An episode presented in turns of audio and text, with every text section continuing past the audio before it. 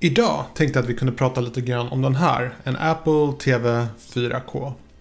Mycket nöje.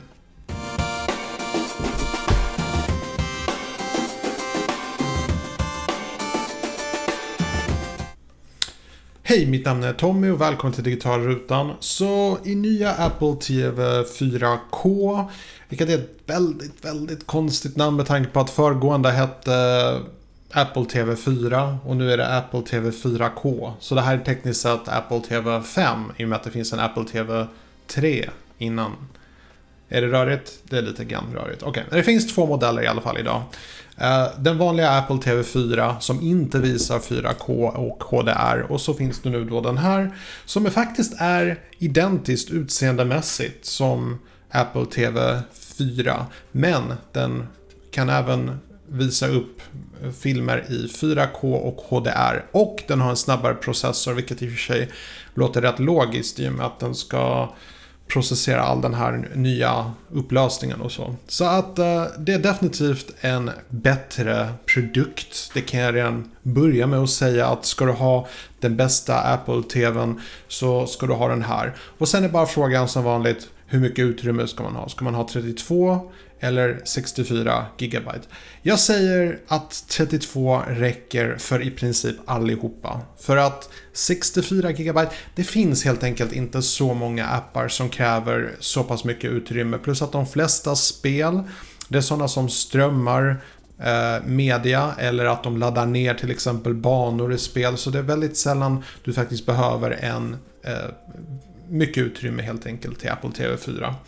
Så jag har testat den här. Jag har testat att hyra filmer genom eh, Apple iTunes. Um, och visst blir det 4K och visst blir det HDR. Du får till och med HDR. Det här är förutsatt att din TV har 4K och HDR. Men du får faktiskt HDR även när du är inne i din Apple TV. Så allting blir faktiskt snyggare. Det kan jag redan nu konstatera. Frågan om det är värt att köpa den här om man redan har en Apple TV 4, det skulle jag definitivt inte säga. Det är en stor grej det här med använder man 4K-material eller inte. Jag skulle gissa att om du har en eh, 4K TV så har du antagligen en smart TV vare sig det är Samsung eller LG och då kan du antagligen redan ladda ner appar till exempel Netflix och då få tillgång till 4K-material. Men är du väldigt sugen på att ha just Apple TV 4K, då är det mer för människor som faktiskt hyr och köper filmer genom Apple iTunes Store.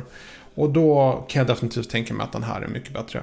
Problemet är att det finns ett stort utbud men det är inte så stort som det borde vara. Du skulle till exempel kunna utveckla mycket bättre spel till den här än vad man har gjort hittills.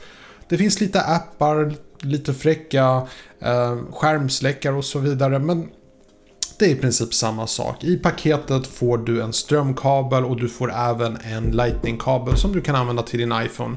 Och anledningen att du får med den det är för att du ska kunna ladda din eh, ja, fjärrkontroll. Det, enda, det är fortfarande samma fjärrkontroll. Det enda skillnaden är att den har nu en, liksom en vit ring och den sticker ut lite grann så att du känner av när du har din tumme på menyknappen. Mitt problem med den här fjärrkontrollen är fortfarande samma sak. Jag kan bara säga så fort jag startade Apple TV 4K så klickade jag och tänkte det funkar inte. Och anledningen att det inte funkade är för att jag höll den upp och ner. För att det är väldigt svårt att känna skillnad. Visst, det är en glasyta här under och så är det plast uppe. Men när du bara rör med tumspetsen, det är väldigt sällan du känner av direkt. Färger avslöjar mer. Hade man haft vitt och svart då hade man aldrig gjort det här misstaget, det är jag helt säker på. Så jag skulle säga att det är en dålig design på den här. Men den fyller sin funktion. Jag gillar att du kan ladda det med lightning-kabel. Vilket är jättebra om du redan har en iPhone så kan du ju ja, ladda. Ehm, Apple TV har ett fantastiskt stöd för att starta din Apple eh, TV-app. Så du kan direkt liksom köra den här istället för Apple TV eh, fjärrkontrollen. Så 4K HDR det blir väldigt snyggt på Apple TVn. Och visst, den är snabbare. Eh, den är i princip dubbelt så snabbt om du kollar på själva chippet. Vilket är, eh, jag tror A10X eller A11X, inte helt säker. Det är ett snabbare chip än vad det var på Apple 4. Men samtidigt har den ju också fyra gånger så mycket upplösning att hantera. Så jag tror faktiskt inte att du tjänar så jättemycket i prestanda egentligen.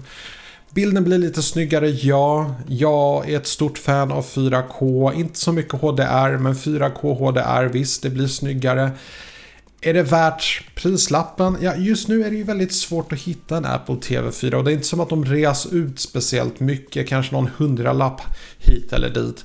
Är det bara någon hundralapp eller 200 som kanske skiljer åt dessa två modeller så skulle jag såklart säga köp 4K-modellen. Men har du redan en 4 eller har du ett möjlighet att köpa 4 för ett väldigt bra pris, köp på det. Ja, det är väldigt lite skillnad mellan de här två modellerna. Men som eh, vi har här hemma har vi två stycken sådana här. Jag har en Apple TV uppe i min studio här och den här har vi i vardagsrummet. Eh, det är en bra maskin. Det här är en bra apparat och den gör det den ska göra. Det är liksom början till framtiden. Du kan aktivera Siri med den här. Eh, du har ingen Spotify i Apple TV. Det finns inget sån app. Du kan strömma från Spotify till Apple TV. Du kan också visa upp bilder och filmer du har tagit med din iPhone och du kan trådlöst visa upp dem på Apple TV. Eh, väldigt praktiskt, väldigt eh, det är ett ilandsverktyg, det är ingenting man verkligen behöver, behöver, men det är kul när man har det. Och YouTube funkar jättebra. YouTube 4K är såklart väldigt snyggt, även om inte den här kanalen kör i 4K. Så mitt råd och tips det är absolut helt klart köpvärd om du behöver. Det finns billigare lösningar men om du vill att det bara ska funka på så smidigt sätt som möjligt så är det precis som med alla Apple-produkter. Du betalar ett överpris för någonting som ändå funkar. Funkar riktigt väl dessutom. Det var allt jag hade för idag. Har du några frågor, bara sätta dem i kommentatorfältet här nere. Jag passar på att önska dig en trevligt fortsatt dag. På återseende.